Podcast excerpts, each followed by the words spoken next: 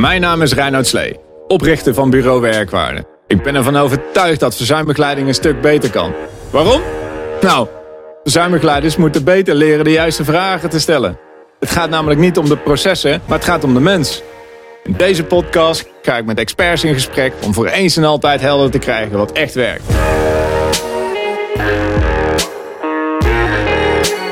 Dit is de Werkwaarde Podcast. Welkom bij weer een uh, Werkwaarde Podcast. Deze keer podcast nummer 10 met niet minder dan Barbara Versluis van Verzuimpartners. En wij gaan het vandaag hebben over de zin en onzin van Spoor 2 reïntegratie. Maar voordat we in de diepte duiken, Barbara, zou jij jezelf heel eventjes willen voorstellen? Ja. Uh, nou, Barbara Versluis, 51 jaar. Ik woon in Ameida. Uh, voor degene die uh, dat niet weten, dat ligt ergens tussen Gorkum en uh, Lexmond in, laten we het zo maar even zeggen. Het is een klein dorpje aan de Lek. Um, daar heb ik een eigen bedrijf, Verzuimpartners. Nou, we doen alles op gebied van verzuim en reintegratie. En met name zijn we gespecialiseerd in tweede spoortrajecten.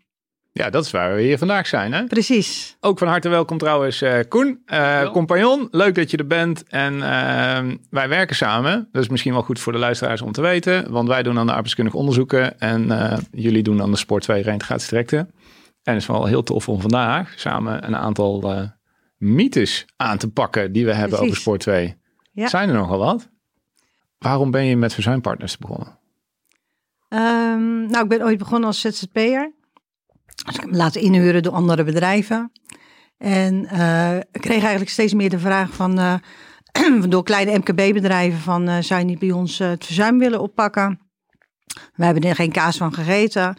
Begon met eigenlijk een beetje familiebedrijven, waarbij de, de, de man, de eigenaar, die zijn vrouw personeelszaken mm doet. Mm -hmm. nou, dat werd eigenlijk, kwamen steeds, eigenlijk steeds meer, meer aanvragen waarvan ik dacht van, nou weet je, misschien is het wel goed om uh, er iemand bij te nemen. Uh, om eens even te kijken van uh, hoe, hoe, we dat kunnen gaan opbouwen. En eigenlijk is dat zo snel gegaan. Ja, soms dan knijp ik mezelf wel eens. Dan denk ik van, is dit echt serieus allemaal zo gegaan? ja, ik ben, ik ben in 2016 begonnen, oktober 2016. En januari 2019 zijn we verzuimpartners begonnen. Wauw, enorm. En, en met hoeveel zijn jullie nu? Ja, we hebben nu zeven mensen in dienst en we hebben er 21 uh, reïntegratiecoaches die we dan inhuren in de buitendienst. Nou, werken we nog met arbeidsdeskundigen zoals jullie, uh, ja. die we regelmatig inhuren, mediators, vertrouwenspersonen. Wat ja. een toffe club. Ja, ja. super, uh, super leuk. Ja, dat, uh, ja, we hebben op kantoor case managers zitten, jobhunters zitten die vooral met tweede sporttrajecten bezig zijn. Dat is, ja, Superleuk. En waarom nou voor Sport 2? Van alles wat je had kunnen doen, is, zit, daar, zit daar iets achter? Ik bedoel, waarom? Waarom vind je dat leuk? Ja, nou, ik heb jarenlang in uh, uh, HR-functies gezeten. Mm -hmm. Waar voornamelijk uh, het verzuim mij altijd triggerde. Dat vond ik eigenlijk het leukste gedeelte van het hele HR-vak. waardoor ik regelmatig mensen in, in het tweede spoortraject kwamen. En als ik dan naar de uh, de intakerapportage en voortgangsrapportages uh, keek, dan dacht ik van, nou ja, is dit serieus? Betalen we daar nou zoveel geld voor? Ja. Een van de, een van de, de mythes. En uh, ja, toen ik uiteindelijk verzuimpartners uh, startte, toen dacht ik van, ja, weet je, daar heb ik altijd over, iets over geroepen, over tweede spoortrajecten. daar ga ik gewoon zelf opstarten en laten zien dat het veel beter kan. Ehm, dus zo is dat eigenlijk ontstaan. En we werken voor kleine MKB-bedrijven waar we tweede spoortrajecten voor doen, maar ook voor uh, hele grote bedrijven. Dus je zag het gewoon eigenlijk, en want je zat als adviseur case manager. Ja. Je zag die rapporten voorbij komen en toen dacht je, kreeg je gewoon vlekken en uh, kromme tenen. En toen denk je, nou, dit kan niet. Precies. Dit kan ik beter. Ja, zeker. Tada, ja. en toen kwam het Ja. ja. Mooi. Ja, als je gewoon na een aantal weken, uh, nou, over, meestal is het na twee maanden of zo, krijg je voortgangsrapportage. En als er dan nog ja, zo weinig is gedaan en bij de volgende rapportage is er, zijn er drie sollicitaties geweest, dan denk ik, ja, die werkgever betaalt ervoor om iemand te begeleiden naar ander werk. Nou, dat gaat op dat tempo niet lukken. En wat is, jouw, wat is jullie aanpak? Uh, onze aanpak is om eigenlijk iemand, uh, als je iemand in het tweede spoortraject krijgt en die kan best wat uren maken, zoals meer dan 16 uur, daar gaan we wel meteen kijken van, is zijn er betaalde banen en kunnen we iemand in een betaalde baan krijgen? Maar mhm. dat soort mensen zitten meestal ook al in spoor 1 uh, een aantal uurtjes te werken. Maar we krijgen ze ook aangeleverd die maar twee keer drie uur of drie keer drie uur kunnen werken. Die mensen proberen we eigenlijk zo snel mogelijk op een werkervaringsplek te zetten. Waardoor ze in een veilige omgeving uren kunnen gaan opbouwen, kijken hoe hun belastbaar is, uh, belastbaarheid is. Om dat, uh, op te, uh, om dat te gaan meten, zeg maar. En zodra ze dan op een geschikt aantal uren zitten voor om te gaan solliciteren uh, op betaalde vacatures. Dan krijgen ze ook een jobhunter, uh, dus één aanspreekpunt. En die jobhunter gaat meezoeken. Maar die maakt, een, die maakt een mooie cv waar je goed mee voor de dag kan komen. Die kijkt de motivatiebrieven na. En die zorgt dat de kandidaat elke week twee tot drie vacatures krijgt waarop die dan ook gewoon moet reageren. En reageert hij er niet op, dan moet hij goed onderbouwen waarom hij niet gereageerd heeft. Want wij gaan ervan uit dat we vacatures zoeken die bij de belastbaarheid passen. Ja, wow. dus het is gewoon zes tot acht sollicitaties per, per maand. maand. Ja, Zeker. Per maand. Ja, en dat zijn alleen de, alleen de uh, vacatures die ze van ons aangeboden krijgen. We gaan er wel vanuit dat de kandidaat zelf ook nog gaat zoeken. Ja. Dat, zo, dat treffen we niet altijd zo aan, hè Koen? Dat treffen we zeker niet altijd zo aan. Dus daarom, ik sta ook al, uh, van, het is niet voor niets dat ik zeg zo, hè, want over het algemeen zie ik dat er misschien een keer ergens een werkervaringsplek speelt. Of dat men uh, vooral met testen bezig is. Natuurlijk zal dat verschillen, uh, afhankelijk van de casuïstiek. Uh, dat er een andere aanpak is. Maar ik merk dat daar nog, nog veel te halen is. Zelf ben ik echt van mening minimaal vijf, zou ik bijna zeggen, per week. Dat moet toch gewoon in veel gevallen gewoon haalbaar zijn. Ja. En dan dragen jullie, als ik jouw verhaal zo hoor, ook nog bij aan het, nou ja, aan het leveren van vacatures. Precies, ja. vacatures. Ja, die, uh, die sturen we naar de kandidaat uh, toe. En dan is dan de reintegratiecoach om te bespreken op welke er wel of niet zijn uh, gereageerd. We zetten zo keurig in het sollicitatieoverzicht. En ook wanneer de kandidaat niet heeft gereageerd, zetten we dat erachter. De kandidaat heeft niet gereageerd op de passende vacature. Mm -hmm. Eventueel motivatie erbij. En dan ja. dus aan de werkgever. Hè? Ja, Om dat, precies. Ja, in, in dienst case manager. Doen jullie dat dan ook het case management er altijd bij? Of, of ligt dat dan soms bij de werkgever zelf? Nee, vaak uh, doen we als we tweede spoortrajecten. nou, we hebben nu eigenlijk wel ook wel klanten waar we het verzuim voor doen. En waar we ook tweede spoor voor doen. Mm. Dus dan is het voor de, voor de reïntegratiecoach is makkelijk, omdat ze natuurlijk met ons meteen kunnen schakelen. Uh, omdat ze ons al kennen. Maar over het algemeen worden we meestal voor tweede spoortrajecten wel gevraagd waar we niet het verzuim doen. Nee, precies. En, ja. en hoe lang duurt ongeveer een traject bij jullie? Um, dat ligt er een beetje aan, maar meestal zijn aanvragen zijn meestal zes, uh, zes maanden. Mm -hmm. Wordt de aanvraag voor een tweede sporttraject uh, aangevraagd. Het is een beetje afhankelijk uh, van hoe snel iemand een andere baan heeft of niet. En dan worden ze nog wel eens verlengd daarna. tegenwoordig krijgen we ook onze aanvraag voor drie maanden. Mm. Mm. Is dat niet kort? Ja. Ja, dat is vrij kort. Maar we merken wel nu tegenwoordig dat vaak mensen uit de GBM komen. En dan opeens zijn er benutbare mogelijkheden. Mm, ja. Uh, en dan moet toch nog tweede spoor ingezet worden. Ah, Terwijl ja. ze eigenlijk al bijna tegen de wie-aanvraag lopen. Uh, en vandaar dan nog heel even dicht fietsen. Ja. Ja. ja. Dat is misschien wel een bruggetje naar een van onze mythes die wij in de voorbereiding voor de podcast hadden bedacht. Is namelijk dat ja, Sport 2 trajecten zijn eigenlijk gewoon uh, om het uh, verzuimdossier sanctieproef te maken. Ja. Is ja. dat zo? Daar ben ik niet van mening. Nee. Ja, in, zo, in sommige gevallen denk ik van, hoezo is deze persoon aangemeld voor een tweede spoortraject? Dit is een soort mission impossible. Um, maar dan probeer ik wel met, ook met uh, de arbeidsdeskundige of met de bedrijfsarts in gesprek te gaan van jongens, waarom hebben jullie niet een haalbaarheidsonderzoek geadviseerd? De, de, de medici lijken te zeggen dat iets duurzaam, uh, duurzame beperkingen zijn, uh, dat het meer naar stabilisatie gaat dan dat het ooit nog gaat verbeteren. En jullie adviseren een tweede spoortraject. Maar dan mogen hmm. jullie mij uitleggen hoe ik zo iemand naar betaald werk moet, moet doen. Want als geen had kunnen werken, had hij geen in spoor 1 gewerkt. Nou ja, dat is uh, soms lastig. Maar vaak ben ik ook nog wel een beetje eigenwijs om buiten de lijntjes te kleuren en maak ik een haalbaarheidsonderzoek van.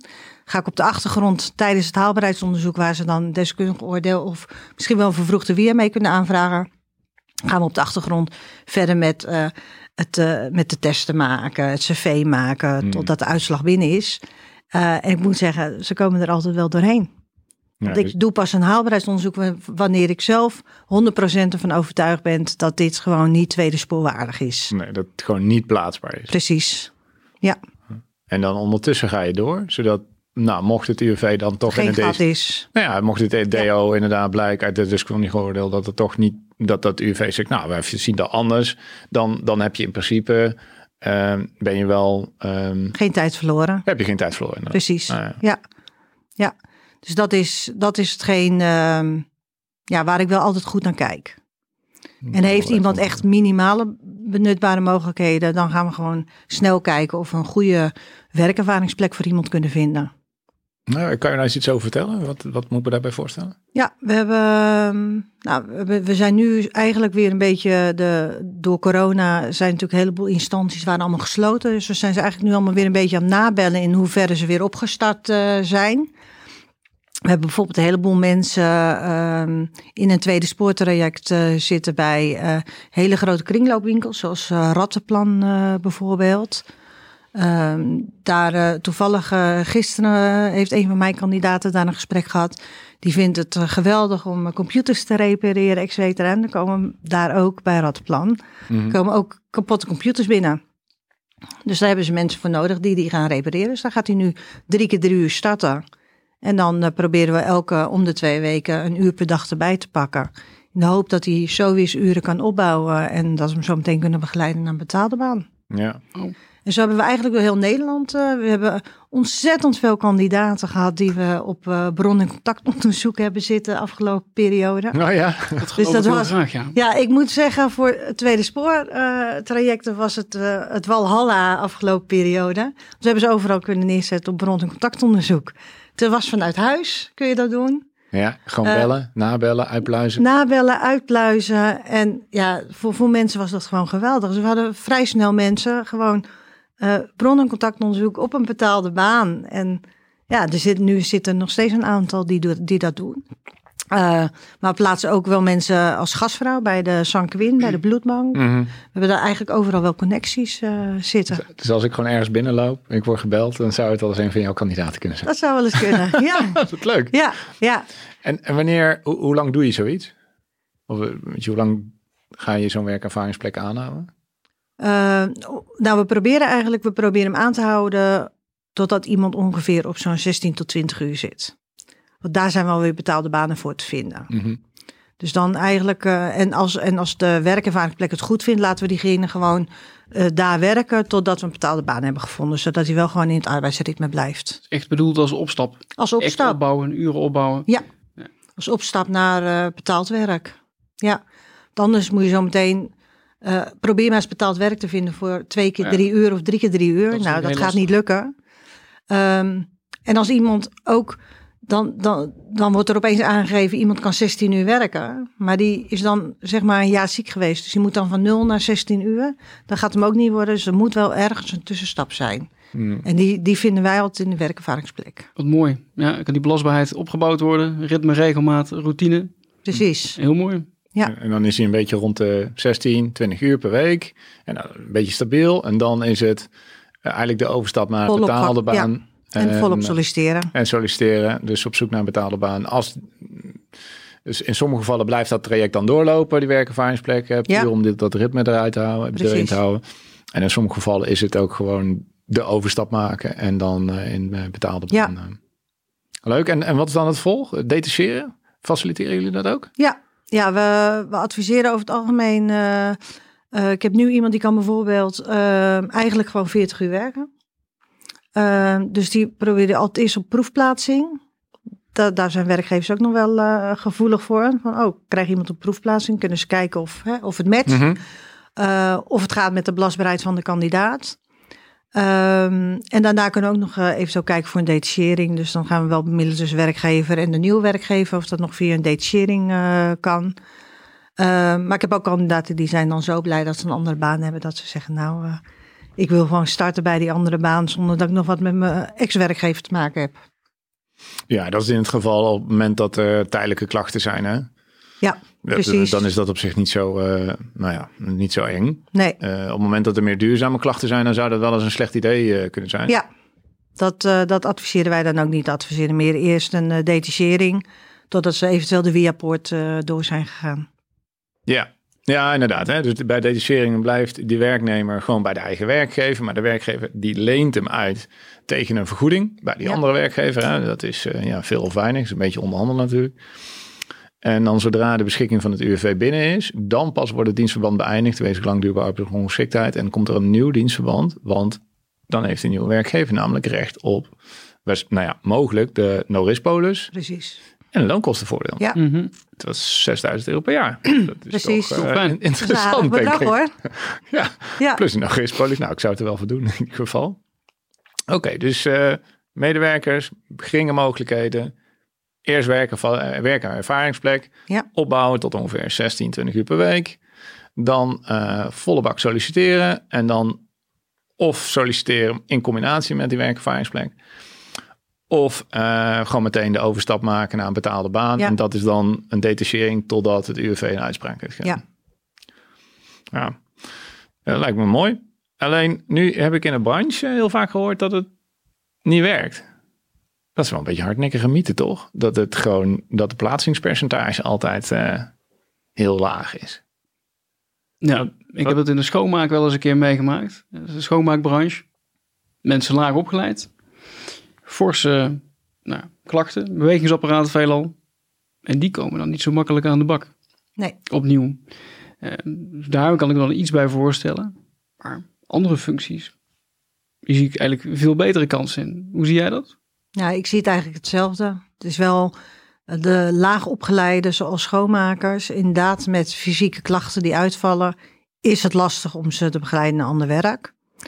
Moet ik zeggen, ik heb een aantal schoonmakers eh, inmiddels eh, gehad die ik wel begeleid heb naar ander werk, maar het is wel een van de lastige doelgroepen. Ja. Ja. En eh, wat, wat zijn nog meer de typische beroepen, zeg maar, die echt wel moeilijk herplaatsbaar zijn? Ehm, ja, ik denk op zich wel. Ja, echt wel de, de. Dan hoef je niet eens schoonmaakwerk, maar gewoon de laag opgeleiden. die Mhm. gewoon eigenlijk geen opleiding hebben. Jarenlang op de vrachtwagen hebben gezeten als vrachtwagenchauffeur. Eh, en probeer die maar eens in ander werk eh, te krijgen. Ja. Het, het verschil Ja. natuurlijk vaak in die arbeidsbelasting is zo groot. En de vrijheid misschien ook in de baan die ze dan hebben gehad. Ja. En ehm, ik kan me voorstellen dat die stap ook heel groot is. Dus dat het ook ergens weerstand oplevert. Ja. Ja, Zou, dat zou dat dan de reden zijn dat die mythe is ontstaan, dus dat het niet werkt? Er wordt wel eens Ja. gezegd dat minder dan 5% is of zo, weet je? Dat, Nou hoor ik wel eens. Het eh, kan best wel eens mee te maken hebben dat natuurlijk eh, afhankelijk van hoe sterk ehm, het reintegratiebedrijf ehm, nou, achter de, de cliënt aan zit. hè. Precies, Dus ja. eh, zo, eh, de Ja, coaching goed op de rit heeft. Daar ligt het zeker aan. Dat weet ik, dat weet ik 100% zeker. Dat je moet er gewoon als reintegratiebureau bovenop zitten. Dat er echt wel gesolliciteerd wordt en ook genoeg gesolliciteerd wordt. mhm. Ehm, of waar die mythe is ontstaan, ja, ik denk gewoon door slechte ervaringen. Ja, slechte broos. Ja, Ik heb wel eens het idee dat Ja. eigenlijk iedereen spoor 2 begeleider kan worden. Dus de kwaliteit scheelt, is ook enorm groot. Dus daarom vind ik Ja. het ook zo mooi, dat hadden we natuurlijk in het begin van ons eh, gesprek daar straks over, dat jij eigenlijk vanuit liefde voor het vak en hè, dat je het graag zou willen verbeteren ook hier natuurlijk aan, eh, aan bent begonnen. Ehm, weet je, ik, ik denk dat er heel groot verschil zit in de markt. Ik ben heel erg benieuwd, van jou, wat, wat doe jij dan anders specifiek? ja, ja, ik denk dat wij als bedrijf, wat wij als bedrijf echt anders doen, is ehm, dat we de reïntegratiecoachen laten doen wat ze moeten doen. Dus het, het coachen van de medewerker, die zit in een soort van rouwproces. Die werkt bij wijze van spreken al 30 jaar voor dezelfde werkgever, moet opeens een andere baan. Hetzelfde als dat hè, iemand overlijdt, zit je in een rouwproces. Ga je scheiden, zit je in een rouwproces. Krijg een andere werkgever, Ja, zit je ook in een rouwproces. En als je een reïntegratiecoach alles moet laten doen, dus die moet helpen met een cv maken, die moet helpen met een motivatiebrief schrijven, die moet helpen vacatures zoeken, dan is hij eigenlijk met, met zaken bezig die eh, indirect daar waar, waar de kandidaat zeg maar wel iets aan heeft, Mhm. maar die heeft liever een coach die, die hem daarbij gaat helpen. Hè, bij alles verwerken en hoe kom ik dan op een andere baan. Ehm, daarom hebben wij jobhunters eh, zitten die daar gewoon actief mee bezig zijn. Ja, precies. Dus zodat eigenlijk van de reintegratiecoach ontlast wordt en zich bezighouden, echt kan bezighouden met de kandidaat. Ja. ja, het is nog wel meer dan dat. Ik denk dat je jezelf tekort doet. Want volgens mij is een coach per definitie iemand die een soort dit is iemand die voorliefde heeft voor de mensen, die daar graag in wil stappen, die graag ja. in, die, in die begeleiding wil stappen. Dat is niet per definitie iemand die gaat jobhunten, die gaat knallen, die cv's gaat scoren, weet je, die vacatures Precies. gaat halen. Ja, Het zijn twee verschillende disciplines, absoluut. Ja, het Ja. een andere bloedgroep. Ja. Dus ja, dit, eh, ja, hier, word ik wel, dat, hier geloof ik wel in. ja, Ja. Dat ja. je, Ik hoor, ik hoor ook gewoon van onze re- reintegratiecoaches die voor ons werken, hoor ik ook vrij regelmatig, en daar ben ik dan ook gewoon, kan gewoon zeggen, daar ben ik gewoon trots op, dat ze zeggen van jullie hebben dat zo enorm goed ingeregeld, dat het is gewoon een soort van ehm, een cadeautje dat ik me alleen maar bezig hoef te houden met coachen. Ja. Dus en dat, is, en dat is iets wat we gewoon op deze manier eh, eh, willen voortzetten ook. ja, dus die, me- die medewerker, die krijgt gewoon allerlei vacatures aangemeld en die reageert bijvoorbeeld niet. En dat is gewoon, en die, die, die coach krijgt, hé, hey, er is niet gereageerd. Haakje, in gesprek gaan en dan gaat het heel even van, hey, hoe komt het nou, waar loop je tegenaan? Hoe Precies. zit dat nou? Ja, En dat proberen op te lossen. En dan aan de achterkant staat er gewoon iemand en die blijft continu eigenlijk nieuwe vacatures Ja. eh, binnen. Ja, Dus dat coachen op eigen verantwoordelijkheid hoor ik jou dan eigenlijk ook een beetje Ja. zeggen. Hè? Van jongens, luister eens, er zijn mogelijkheden. Eh, met de juiste aandacht die persoon ook laten groeien. precies. Ja. Ja, Wauw. ja jongens, Heel dit is niet... Dit is echt super belangrijk. Kijk, want het is toevalligerwijs natuurlijk deze doelgroep, de lagere salarissen, die hebben natuurlijk op het moment dat ze daar bij naar de WIA toe gaan en ze hebben beperkingen en ze zijn niet volledig arbeidsongeschikt, dan hebben ze een verlies van verdiencapaciteit is natuurlijk het laagst. Want ja, weet je, van een modaal inkomen naar net iets onder modaal inkomen, dat is niet zo'n grote afstand. Terwijl op het moment dat je drie keer boven modaal zit en je zakt naar iets minder dan modaal, ja, dan ben je bijna wij spreken meteen arbeidsongeschikt. Dus deze medewerkers, die hebben echt wel een grote kans, is dat ze minder dan 35% arbeidsongeschikt worden verklaard. Dus, en, die, Absoluut. en die stromen dus helemaal niet in in de via. Nou ja, dat is eigenlijk een hele goeie, want dat merk ik ook nog wel eens. Hè, dat als ik in gesprek ben met de medewerker tijdens een arbeidsdeskundig onderzoek bijvoorbeeld, en die hebben daar gewoon geen zin in. Want die zitten nog veel te veel bij de eigen werkgever. En het losweken moet dan eigenlijk gestart worden. Ja. Ik heb dan vaak uitgelegd dat sport 2 moet beginnen. En eh, eigenlijk moet dan iemand nog verder worden losgeweekt, heb ik het idee zelf een beetje. Eh, als ik me niet vergis. Ja. Ja, ik, er zijn ook wel werkgevers die moeten Ja. losgeweekt worden hoor. Die heel lang denken, nou het gaat wel goed komen hoor. Het Ja. gaat echt wel goed komen. Dan zit je gewoon volle bak ergens in het tweede jaar, weet je. En de medewerker nou werkt dan over iets van, nou nog geen 40% productie. Nee, het gaat echt goed komen. Ik denk, ja, misschien ook wel niet. Ik En wat doe je? vaak, En Ja. wat doe je iemand aan op het moment dat het niet lukt? Nou, absoluut. Ik benoem in mijn gesprek eigenlijk altijd, wat betekent het nu voor jou op het moment dat je nu bijvoorbeeld niks zou doen? Of hè, hoe, werkt dat nou precies, die arbeidsongeschiktheid? En ehm, ik denk dat daar ook heel veel winst in te behalen is. Want mensen Ja. hebben vaak geen idee nog. Ik weet niet hoe vaak ze dat in tijdens het re- reintegratieproces dan wel door de case manager of de leidinggevende eh, uitgelegd krijgen. En hopende dat die werkgever dat dan zelf ook weet. Maar dat is natuurlijk ook weer een, een mooie rol voor, eh voor sportbegeleiding, denk ik. Ehm, Ja, we hebben heel, heel vaak als we komen van, goh, weet je precies wat een tweede sporttraject inhoudt? Dus, nou ja, nee, eigenlijk niet. En denk je, ja, arbeidsdeskundige is geweest, die heeft het echt uitgelegd. Daar ben ik van overtuigd. Maar dan, ja, dan gaan we het opnieuw weer, eh, weer uitleggen. Ja. ja, dan moet ik wel zeggen van, om even een bruggetje maken naar tweede sporttrajecten. is natuurlijk ooit in het leven geroepen, dat moet op die 52 weken, moet er een arbeidsdeskundige komen. Nee, En- dat staat nergens. Het Dat staat er- nergens. Nee, Nee. dat is wel een leuke mythe. Ja. Het is een hele goede. Ja. dit. Dat is een hele goede mythe. Maar zo denken ze wel. Op waar. 52 weken zegt de case manager, oeh, het is 52 Ja. weken, vinkje, arbeidsdeskundige, FML. En jee, dan, zegt, dan zegt de arbeidsdeskundige, er moet een tweede spoortraject ingezet worden. En dan vraag ik me wel eens af, en dan, ga ik nu een vraag stellen aan jullie. Ja, heel goed. Jullie zijn arbeidsdeskundigen. Hoe vaak gaan jullie nu, krijgen jullie nu een, een, een aanvraag voor een arbeidskundig onderzoek waarvan je denkt, nou, die had ik beter zes maanden geleden kunnen hebben. En die had zes maanden geleden beter in een tweede spoortraject kunnen zitten. Feyenoord.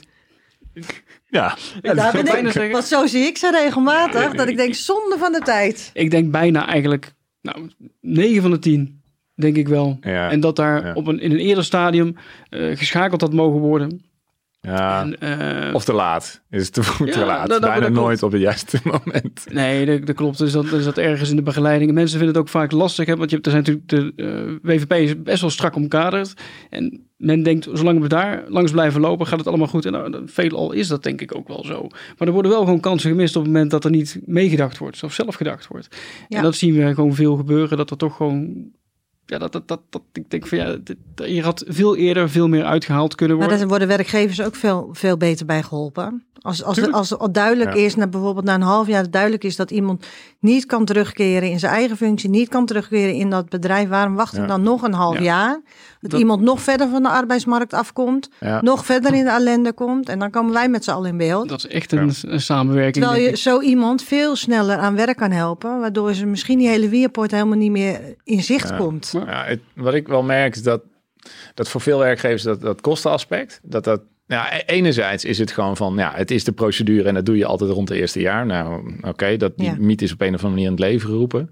Maar aan de andere kant hoor ik ook wel eens werkgevers die een kostenaspect, die vinden het arbeidskundig onderzoek uh, te duur. Ja, maar wat, is, maar wat kost een zieke medewerker die thuis zit? Oké, okay, ja, goed verhaal. Um, ja, absoluut. Meer? Um, uh, ja, wat wij doen, zeg maar, en dat ik herken me een beetje in jouw verhaal, is dat je die rapporten voorbij is gekomen en dat je denkt, jezus, moet, moet het beter kunnen. Nou, dat vonden wij ook. Um, zoals wij, we hebben een soort, uh, uh, wij schakelen voor. Dus we maken een arbeidskundig onderzoek en dan doen we eerst intake. En dat is dan voor 50% van de prijs. En uh, eigenlijk in de hoop dat onze klanten, onze werkgevers, ons veel eerder weten te vinden. Omdat we proberen die drempel zo laag mogelijk te houden. Zodat we eigenlijk bij wijze van spreken in dat eerste ziektejaar, misschien na zes maanden, zeven maanden, acht maanden, wat het dan ook is, dat we al koers kunnen bepalen. En dat we ook al bij een medewerker in de week kunnen leggen hoe, dat, hoe zijn toekomst eruit gaat zien. Hoe zijn route naar werkenvatting eruit gaat zien.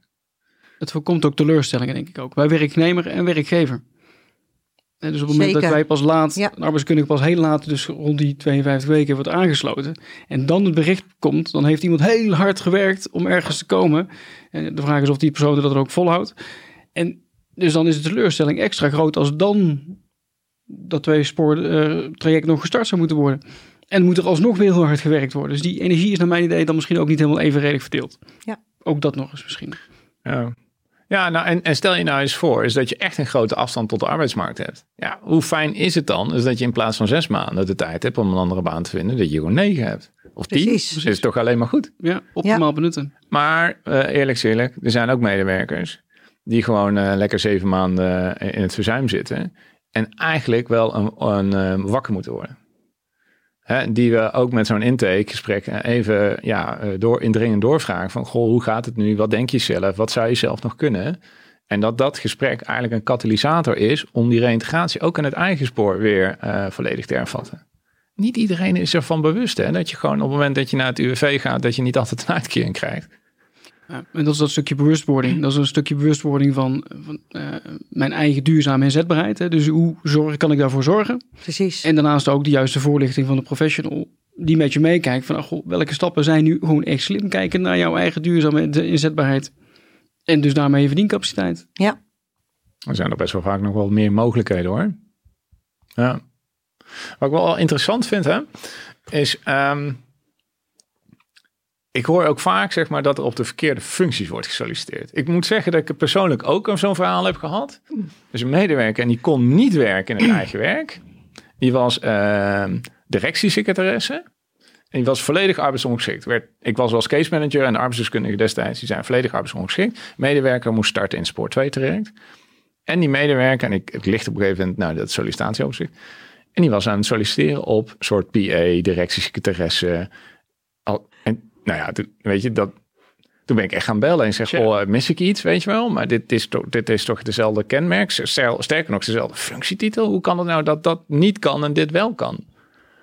Oh, oh nou ja, dat, dat vind ik echt, dan krijg ik half soort kortsluiting. Ja. Ja, dat, hebben jullie dat, hoe, hoe gaan jullie dat mee om? Ja, wij komen dat ook regelmatig uh, tegen. Maar ik kom ook gewoon regelmatig tegen dat de functies geduid worden in arbeidskundig onderzoek. Nou, ik kan ze bijna in mijn hoofd kwaliteitsmedewerker, productiemedewerker of assemblagemedewerker. En hup, we hebben er weer drie. Um, en dan kijk ik naar de beperkingen en dan staat er kan niet in prikkel, prikkels werken, niet in een productieomgeving. Uh, nou, dan kan ik er alweer twee afstrepen, waardoor je dus eigenlijk niet op drie functies komt. Um, maar goed, volgens de regels moeten we ze meenemen in de zoekfuncties. Uh, maar die laat ik dan toch wel echt achterwege. Ja, en terecht. En in het geval van jou denk ik, iemand is niet geschikt voor de functies waar ze uitkomt. En dan vervolgens gaat ze solliciteren op functies als PA en zo. Ja, dat is apart. En dat is denk ik zacht uitgedrukt. Ja, en hoe doen jullie dat dan? Want je zegt, ja, je leest arbeidskundig onderzoek. Daar staan wat functies in. Op het moment dat dat kolder is, nou dan... Uh, waar, bellen jullie dan nog na of zo? Of, ja, ik bel sowieso altijd met de arbeidskundige hoe die uh, op die functies is gekomen. Zeg, ik lees in de beperkingen dat iemand uh, niet in een productieomgeving kan werken, niet te veel prikkels kan, uh, kan hebben. Ook niet van mensen om zich heen. Ik zeg nou, ik weet niet welk productiebedrijf dat biedt, maar ik ben ze nog niet tegengekomen. Nou ja, dan hoor je ze vaak denken. En ja, ja, maar ja, maar je hebt ook productiebedrijven zijn wat kleiner. En nou ja, weet je, dan kan ik er al niks meer mee. En denk prima, weet je, we zetten ze op de lijst. Ja. Uh, en als ik vacatures ja. uh, zie van productiemedewerker, want die heb ik ook al eens een keer bij het UWV dat ze zeiden van ja, maar de arbeidskundige zei productiewerk en daar heb ik die manier niet op gesolliciteerd. Dus uh, we kijken daarna en dan kan je eigenlijk al erachter zetten van ja, mag niet in productieomgeving werken, te veel prikkels. Dus deze vacature is niet geschikt. Ja. Dus we proberen goed te onderbouwen. Hey, Koen, hoe is... zie jij dat? Want ik heb eigenlijk het idee, hè, is dat die reïntegratiebegeleider in combinatie met die jobhunter veel meer expertise heeft over de arbeidsmarkt dan de gemiddelde arbeidskundige. Of is dat een beetje een boute uitspraak? Nou, ik vind het een hele, een hele leuke. Het is heel challenging, denk ik. En uh, ik denk ook wel terecht. Want um, de gemiddelde arbeidsdeskundige heeft geen inhoud van de CBBS tot zijn beschikking. Dus hoe ga je dan in vredesnaam al die functies duiden? Dus het is een, een schatting. En ik denk inderdaad dat dat een goede, dus een arbeidsdeskundige zou het beste in goede samenspraak met een Sport 2 bedrijf, dus uh, Jobhunter bijvoorbeeld, over kunnen schakelen. Ik denk dat ik daar wel goede aanknopingspunten zie. Ja. is eigenlijk logisch. elkaar gewoon echt op is logischerwijs is dat is die, die harde scheiding die we kennen eigenlijk tussen die producten, arbeidskundig onderzoek en sport, is eigenlijk helemaal niet zo logisch. Als we echt, echt willen reintegreren. Dus dat die uh, soort die medewerker in ieder geval het gevoel heeft dat een soort one-stop shopping is. Dat die gewoon ziekmeld, begeleiding, werkgever, arbeidskundig onderzoek, mm -hmm. sport, weet je dat dat allemaal een soort samen hoort. Ja, dat zou wel samen horen te vallen. Dat zou het beste zijn voor de medewerker. Alleen Absoluut. helaas zijn het allemaal nog hokjes waar we in werken. Nou, ik, ik, persoonlijk denk ik dat de meest gehoorde reactie van werknemers is dat ze het idee hebben dat ze dat ze tussen wal en schip vallen. En weet je, dat ze heel veel mensen om zich heen hebben. En dat ze eigenlijk een beetje het spoor uh, kwijt zijn. Zeker bij medewerkers die in ieder geval fors beperkt zijn. Dan is het soms ook gewoon best wel veel. Nou ja, contact neemt vaak af met de werkgever. Zeker op het moment dat ze in sport 2 uh, eh, verder gaan. als het ook op die manier geadviseerd wordt. Ehm, dus ik, ik, ik, nou goed, ik kan me dat inderdaad zomaar voorstellen. Dan, dan, het contact wordt gewoon minder. En ergens, je belandt een beetje op een eilandje misschien. Ja, bij ons advies is altijd wel aan de. We nemen ook altijd, zodra we de aanvraag binnenkrijgen, contact met de werkgever. En we geven bij de werkgever ook altijd. Die krijgen, ze krijgen trouwens een inlog bij ons via uh, reïntegratiesysteem Repasso. Uh, daar kunnen ze eigenlijk zien wat we allemaal doen. En uh, daar kunnen we ook uh, berichten sturen, mails versturen naar werkgevers. Maar we bellen ook altijd en we zeggen altijd van joh, zit in het tweede spoortraject, maar jullie zijn nog steeds de werkgever. Hou contact met die werknemer. Dat is voor die werknemer ook gewoon heel belangrijk. Dus en, dat, en als, ik dan, als we dan van een medewerker horen, ik heb al drie of vier maanden niks van ze gehoord, dan gaan we echt terug naar die werkgever. Joh, neem eens contact op, vraag even hoe het gaat. Ja, dat is ook weer zo'n mythe, belangrijk. Denk ik, toch? Ik ja. Al, ja, mythe of iets wat vaak gebeurt. Hè? Ja, het gebeurt vaak, dat is het. Ja, ja. Het, het, medewerker start in het tweede sporttraject en dan is hij eigenlijk een soort afscheidwerkgever en nou, die komt op een enorme afstand. Zo voelt een medewerker het volgens mij zelf ook vaak. Hè? Want ja, ja. Dus ik, ik, ik word gedwongen in iets wat ik eigenlijk niet wil. Het, schijnbaar heeft het een goede reden.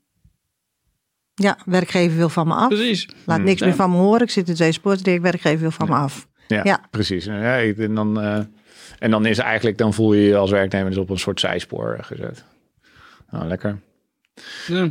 En um, komen er nou veel sancties op Sport 2? Er wordt, er wordt ook, er ook wel zo'n mythe toch? Ook een sang, dat, dat Sport 2, dat daar de meeste sancties op vallen. Hoe zit dat regelmatig dat wel uh, dat daar de sancties op, uh, opvallen. Dus of te laat ingezet, ja. of spoor 1 onvoldoende onderzocht. Dus eigenlijk die twee. Um, en tal van redenen die er aan de grondslag liggen waarom men dan niet tijdig start. Miscommunicatie onderling, plan, uh, geen afspraak gepland bij de bedrijfsarts, waardoor er misschien geen uh, functionele mogelijkheidenlijst is, heeft kunnen worden opgemaakt. Of nou, diverse redenen eigenlijk. Hoe zie jij dat, Barbara? Ja, ik heb als um, ik moet zeggen, wij als verzuimpartners hebben nooit een loonsanctie gekregen op een tweede sportregel wat niet goed uitgevoerd is. Uh, ik ga het ook niet afkloppen, want ik wil ze gewoon niet. En we, we streven naar om ze niet te krijgen. Best wel als case manager wel vaak tegengekomen. Hmm. Te weinig gesolliciteerd, op verkeerde functies gesolliciteerd. Uh, dan, en dan ligt de loonsanctie op spoor 2. Dus het gebeurt wel. Ja, ja inderdaad. Ik, als we er iets meer in detail naar kijken, denk ik dat het meest voorkomende is te laat ingezet, denk ik. Ja, te laat ingezet is het grootste. Ja. ja. Je zegt ook sollicitaties, hè? want dat is wel gelijk een vraag die ik ook zelf eigenlijk dan heb. Van, is er, we hebben daar volgens mij er is daar geen minimum voor. Dat gaat volgens mij toch over redelijkheid. Of zie ik dat verkeerd? Ja, het UWV hanteert wel. Zoals je, als je ehm, bij het UWV moet solliciteren bijvoorbeeld, als je in de werkeloosheidswet zit, je moet mhm. solliciteren, dan moet je er vier per maand doen dat hanteren ze ook wel voor het tweede spoortraject hoor. Het staat misschien niet zwart op wit, mhm. maar die hanteren ze wel. En ze willen ze zelfs, er is zelfs nog, uh, zijn ze momenteel bezig dat ze willen dat er zes tot acht worden. Daar ben ik helemaal voorstander van. Ja, zeker. Er zijn genoeg vacatures, dus uh, ja. Ja, die regeling worden geleend hè, uit de WW. Maar die in het kader van de WVP kennen we die niet echt. Nee. Het moet alleen adequaat zijn. Ja, en het moet soort passen bij de omstandigheden en het zoekprofiel. Dan denk je, ja, aan de andere kant, weet je, we moeten ook niet. Het is goed om dan zo'n streefgetal weg te zetten. Maar aan de andere kant moeten we niet vergeten dat er mensen achter zitten. het gaat om de kwaliteiten. Ja, het klopt. Kijk, maar op het moment dat er bijvoorbeeld een uh, medewerker, commercieel medewerker buitendienst erbij zit, die uh, weet ik veel uh, gebroken been heeft. Nou, oké, dat zal dan niet gebeuren in Sport 2. Maar het, je moet sommige functies vind ik dat je gewoon dat je, dat je veel meer kan verwachten van iemand. En dan andere medewerkers, die hebben een hele grote afstand tot de arbeidsmarkt. Die hebben misschien een taalachterstand. En die moet. Ja. En dan denk ik, ja, oké, ja, dan, dan, dan vind ik het wel verklaarbaar. Waarvoor sommige mensen het gewoon moeilijker is om het aantal sollicitaties te halen. Ja, dat zal op moet opgebouwd moeten worden. Maar dan verwacht de UWV wel dat als iemand een taalachterstand heeft, dat iemand een opleiding Nederlands gaat volgen. Ja, zoiets. Dus dat moet je dan als reintegratiebureau wel gaan inzetten. Hmm. Ja, of adviseren en dan de werkgever zeggen... Joh, Want daar heb ik wel eens een loonsanctie op zien komen. Ja, elke keer lees ik dan, is de taal niet machtig, is de taal niet machtig, taal niet machtig, maar waar, waar is de aanbieding om een opleiding te gaan volgen? Ja. En of iemand dan wel of niet die opleiding wil gaan volgen, dan, dan komen we op een ander verhaal. Maar de aanbieding om die opleiding te gaan volgen, omdat dat meer uh, kans zou maken op de arbeidsmarkt, die moeten wel tussen zitten. Kan je onze luisteraars eh, misschien een beetje eh, nou, leren daarin? En wel, welke soort opleidingen komen nou in aanmerking? Wat, zijn daar regels en richtlijnen over van welke opleidingen nou naar redelijkheid van de werkgever verwacht mag worden? Um, nou, ik denk vooral als iemand de taal niet goed machtig is, mm denk, nou, mag een taalkursus, dat mag je wel uh, verwachten. Um, en wanneer iemand gewoon totaal niet meer in zijn eigen functie uh, kan terugkeren, eigenlijk ook niet de opleiding heb überhaupt om iets anders te doen, zeg maar. Mhm. Eh, maar die zou kunnen bijvoorbeeld wel kunnen terugkeren als office manager ergens. Ja. Dan denk ik van ja, werkgever.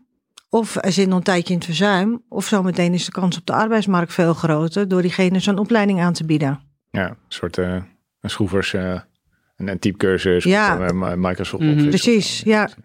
Of bij de LOE een verkorte cursus. Ja. Wat iemand maar goed, ook daarbij val ik meteen weer uh, terug. Probeer ik ook wel, als iemand een beetje kantoorkant op wil, om in ieder geval te kijken of we een werkervaringsplek kunnen vinden met kantoorfunctie. Dus dat is ook een beetje, uh, een beetje uh, ervaring kunnen opdoen in het mhm. werk, zeg maar. Ja, ja. Wat is jouw ervaring, ervaring daarmee? Zijn bedrijven een beetje scheutig om zo'n zo'n plek aan te bieden? Nee, we hebben wel een aantal opdrachtgevers die, uh, die dat wel aanbieden hoor. Al is het maar uh, archiveerwerk of uh, typewerk, uh, dingen in de computer zetten of een bestand bijwerken. Ze leren ten eerste met computers een beetje weer om te gaan. En het is een beetje, ja, het is gewoon veel zoeken. Je moet heel veel tijd insteken in mm werkervaringsplekken. Ja. Als je dat niet doet, dan heb je ze niet. Dus dat is, je moet echt wel gewoon tijd besteden en ja, echt in een gesprek gaan met werkgevers. Nou, voor werkgevers die nu denken, hey, zo'n werkervaringsplek, dat zou ik misschien wel kunnen creëren.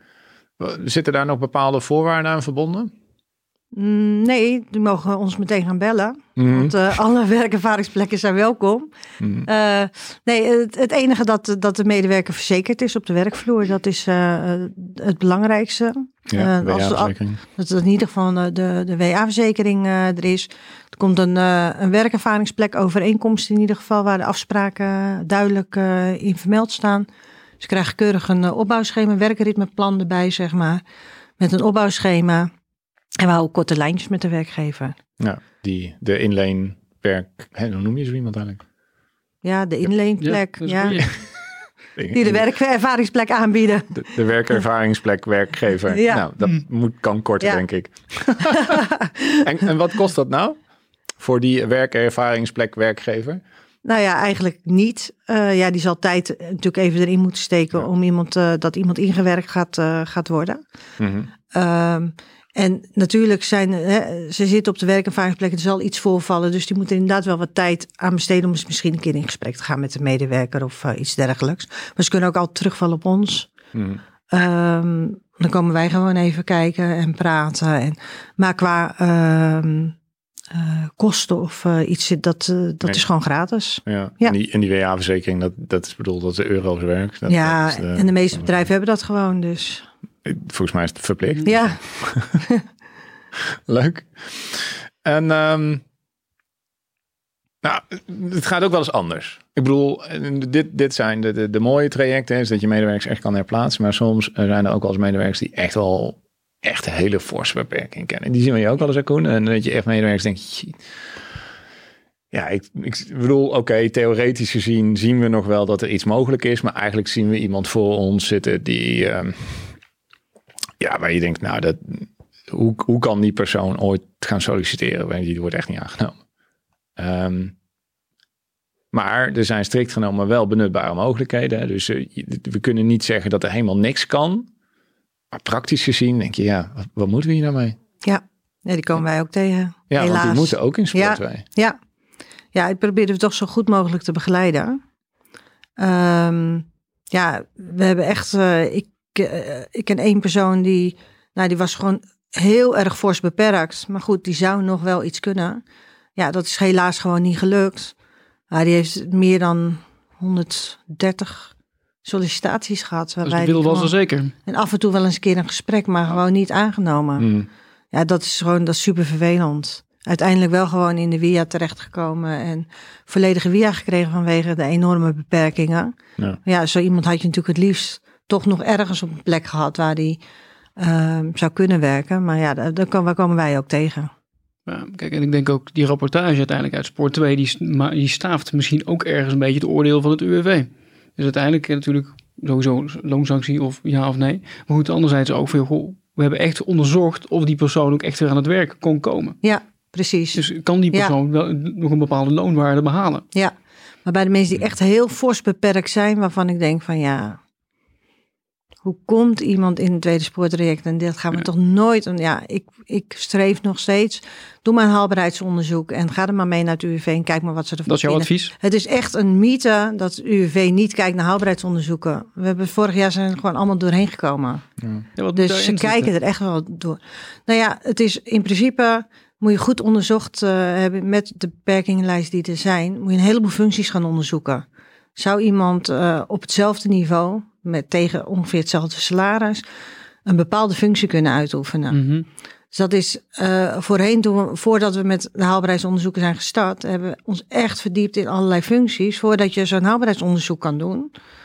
Ehm, en als je daar gewoon een goede lijst van hebt en daarmee uiteindelijk met een goed eh, advies naar het UWV komt, dan wordt er echt serieus naar gekeken. En wij krijgen altijd terug van ja, het is, eh, er is genoeg gedaan en eh sport 2 is inderdaad niet mogelijk. Mhm. Stel je eens voor dat je dan dat eh, haalbaarheidsonderzoek hebt, hè? want dat is dus een onderzoek om te kijken of het realistisch en haalbaar is om zo'n volledig Sport 2 traject op te, op te tuigen. Ja. Maar goed, d- d- daar kan je natuurlijk niet maanden laten liggen en dan vanuit gaan dat dat de lengte vandaag zo'n advies eh, eh, actueel blijft. Nee, Toch, neem ik aan? Wat, wat voor iets, hoe, hoe lang zou je kunnen zeggen dat zo'n advies houdbaar is? Ehm, ik denk een maand of drie. En dan moet Zoiets. het wel weer opnieuw. Ja. Ja. Ja, en dan, uh, het zou dan eventueel kunnen zijn... Afgezien dat... of je niet een vervroegde wie hebt aangevraagd, hè, daarmee. Dat ja, kan natuurlijk ook nog. Ja.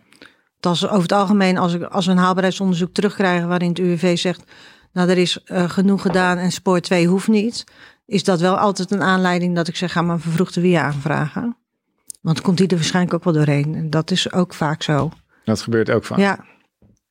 Dus daarmee komen we eigenlijk op drie soorten, drie routes eigenlijk. Hè? Dat zijn medewerkers en die hebben echt een hele forse beperking. Theoretisch gezien zouden ze nog iets moeten kunnen. Maar ja, in de praktijk denk ik echt, ja, hoe dan? Uh, daar maak je een haalbaarheidsonderzoek voor, deskundige oordeel. Indien geen DO, hè, dat het UWV zegt toch maar sport 2, nou oké, dan, dan maar anders, anders een uh, vervroegde WIA-aanvraag, een IVA-traject. Andere medewerker is, nou die, die is wel fors beperkt, maar die heeft nog wel, hè, en er zit sowieso nog wel wat ondersteund, het vat nog niet gehaald. En die start op werkervaringsplek en vanuit daar sport 2 solliciteren en een nieuwe baan. Ja. En natuurlijk de laatste, en als medewerkers die eigenlijk nou, vrijwel meteen uh, belastbaar zijn. Ja. Dus die gewoon meteen uh, kunnen full pool aan een sollicitatie kunnen gaan en, uh, en aan de slag kunnen gaan. Nou ja, dat zijn ja. een aantal mythes, jongens. Oh, nou, mooi. We hebben er nog eentje. Oh, vertel eens. Ja, het is duur. Het is heel duur. Ja. Ziek zijn is ook duur. zijn is ja, duur, het kost een werkgever gewoon heel veel geld als hij een zieke medewerker hebt. Dus dat is... en natuurlijk is een tweede spoortraject duur. Maar ik denk als je de kwaliteit ervoor krijgt, wat je ervan mag verwachten, dan betaalt het zich ook wel terug. Mm -hmm. Ten eerste, als je het helemaal niet inzet, dan zegt het UWV er straks wat van. Dan heb je een loonsanctie. Is ook ja, duur. Ja, ook duur. nog duurder. Um, en aan de andere kant vind ik dat je werknemer um, verplicht bent om dat te gaan doen. Je moet hem een kans geven om nog in een andere baan terecht te komen. Um, ja, goed werkgeverschap. Uit goed werkgeverschap, inderdaad. Ja. En daar hadden we het natuurlijk net ook over. En daar hoop, ik, daar hoop ik gewoon echt op dat werkgevers daar strakker naar gaan kijken. Maar ook dat case managers uh, de regel van die 52 weken los gaan uh, laten. En eerder gaan kijken, zien we nou echt dat diegene ooit nog kan terugkeren? Ja. En dan eerder dit traject opstarten. Ja, zullen we gewoon met de luisteraars, afspreken met de luisteraars, arbeidskundig onderzoek, vanaf nu, vanaf het moment dat je dit hoort, doen we het eerste ziektejaar. Het is een interventie Precies. voor het eerste ziektejaar. En dan gaan we Sport 2 traject, starten we ook op voor de eerstejaarsevaluatie. Ik kan hier alleen maar ja tegen zeggen. Ja. Dat lijkt me een hele mooie belofte. Absoluut. Het ook. is ook echt super voor de luie case manager overigens.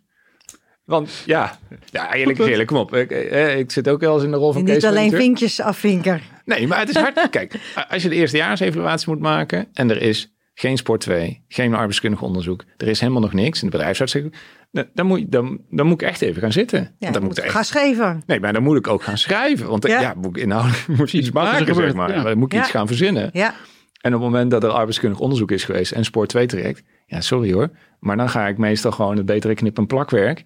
Want dan, dan liggen er allemaal al rapportages, hoef ik niks te verzinnen. Ik zeg gewoon, arbeidskundig onderzoek is geweest, advies was dit, dat. En dan is zo'n e- eerstejaarsevaluatie echt super snel gemaakt. ja.